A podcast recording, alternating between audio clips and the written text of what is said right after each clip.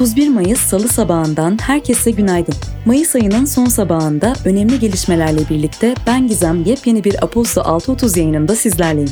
Sağlığınızın ve keyfinizin yerinde olduğunu umuyorum ve 31 Mayıs bülteninin öne çıkanlarını aktarıyorum.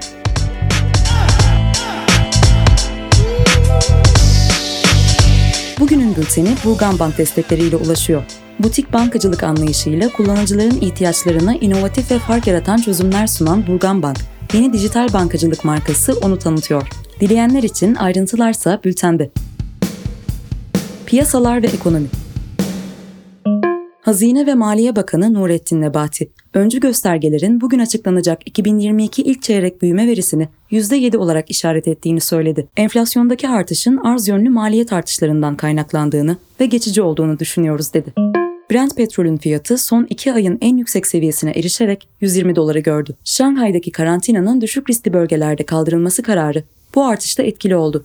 Almanya'da enflasyon, enerji ve gıda fiyatlarındaki artış sebebiyle Mayıs ayında yıllık bazda %8,7 yükselerek tüm zamanların zirvesine çıktı. Avro bölgesinde ekonomik güven, enflasyon tehdidine ve uzmanların gerileme beklentilerine karşılık Mayıs ayında 105'e yükseldi. İmalat sektöründeki düşüşü, hizmet ve inşaat sektöründeki iyileşme dengeledi.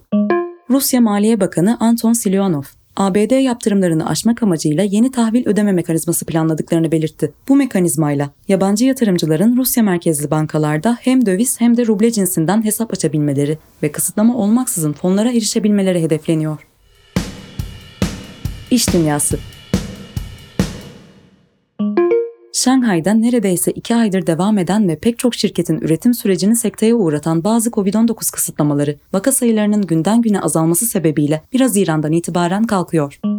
Toyota'nın otomobil üretimi Nisan ayında geçtiğimiz yılın aynı dönemine göre %9,1 düşerek 692.259 olarak gerçekleşti. Japonya merkezli otomobil üreticisinin küresel satışları ise aynı dönemde %11 düştü. Volkswagen insan hakları ihlallerine dair endişelere rağmen Sincan Uygur Özerk Bölgesi'ndeki tesisinde operasyonlarına devam edeceğini, herhangi bir ihlal durumundaysa çok büyük bir yanıt vereceklerini duyurdu. Goldman Sachs'tan bazı analistler, batarya üretimindeki 3 kritik metale yani lityum, kobalt ve nikele olan aşırı yatırımcı ilgisinin fazla arza yol açtığını, önümüzdeki 1 ila 2 yılda fiyatların düşeceğini öngördüklerini açıkladı. Politika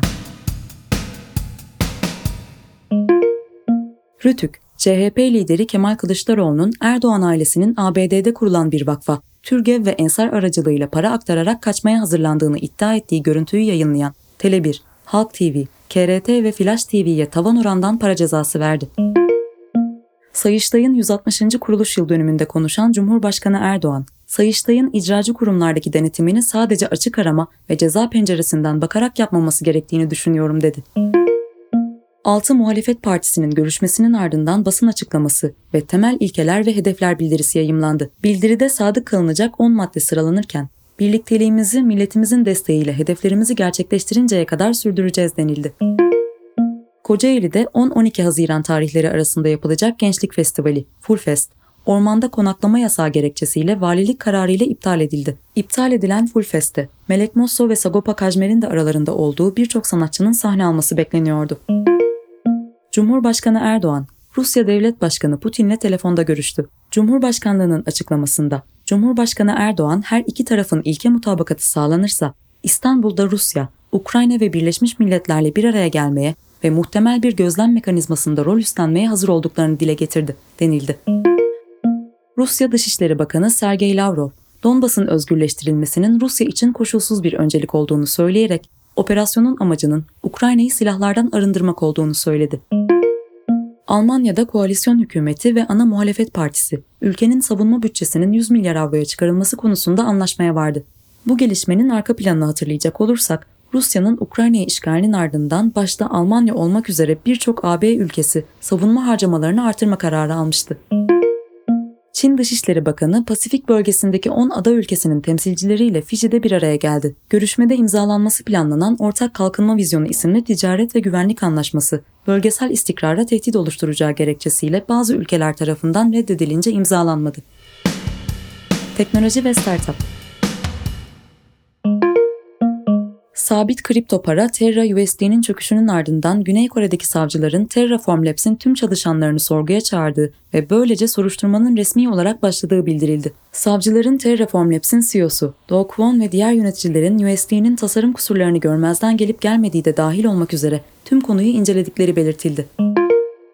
Yerli mobil oyun girişimi Hyperlab 7,5 milyon dolar değerleme üzerinden yatırım alarak tohum yatırım turunu tamamladı. Yatırımı yapanların Crysis oyunlarıyla tanınan Crytek'in kurucusu Avni Yerli ve ACT Capital'ın kurucusu Alican Temel olduğu kaydedildi. Yapay zeka destekli algoritmalar kullanarak iş ilanlarını adaylarla eşleştiren ve işe alım sürecini kısa sürede tamamlamayı amaçlayan akıllı insan kaynakları platformu Digital Visors, yurt içi ve yurt dışı katılımcılardan 5 milyon avro değerleme üzerinden tohum yatırım aldığını duyurdu. Spor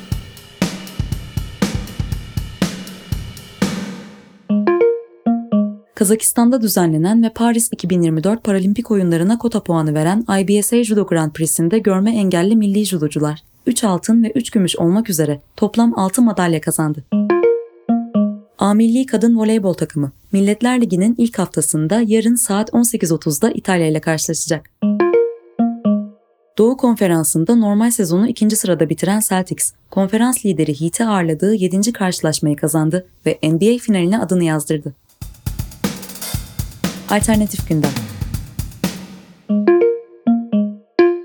Paris'teki Louvre Müzesi'nde sergilenen Mona Lisa tablosuna iklim aktivisti olduğunu belirten bir erkek pasta attı. Müzeye yaşlı kadın kılığında geldiği söylenen kişi, gezegene yeterince odaklanmayan sanatçılara tepki gösterdiğini ifade etti. Aktivist müze görevlileri tarafından alandan çıkarılırken psikiyatri bakımına alındı.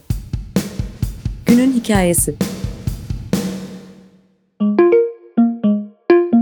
Bugünün bülteninde günün hikayesi başlığı altında sevgili İlkim Emirler'in kaleme aldığı bir yazı bizleri karşılıyor. Kendisi bugün bizler için eleştirilerin yeni odağı, dezenformasyon yasası teklifi isimli bir yazı kaleme almış. Dilerseniz bu yasaya dair bütün detaylar bugünün bülteninde sizleri bekliyor.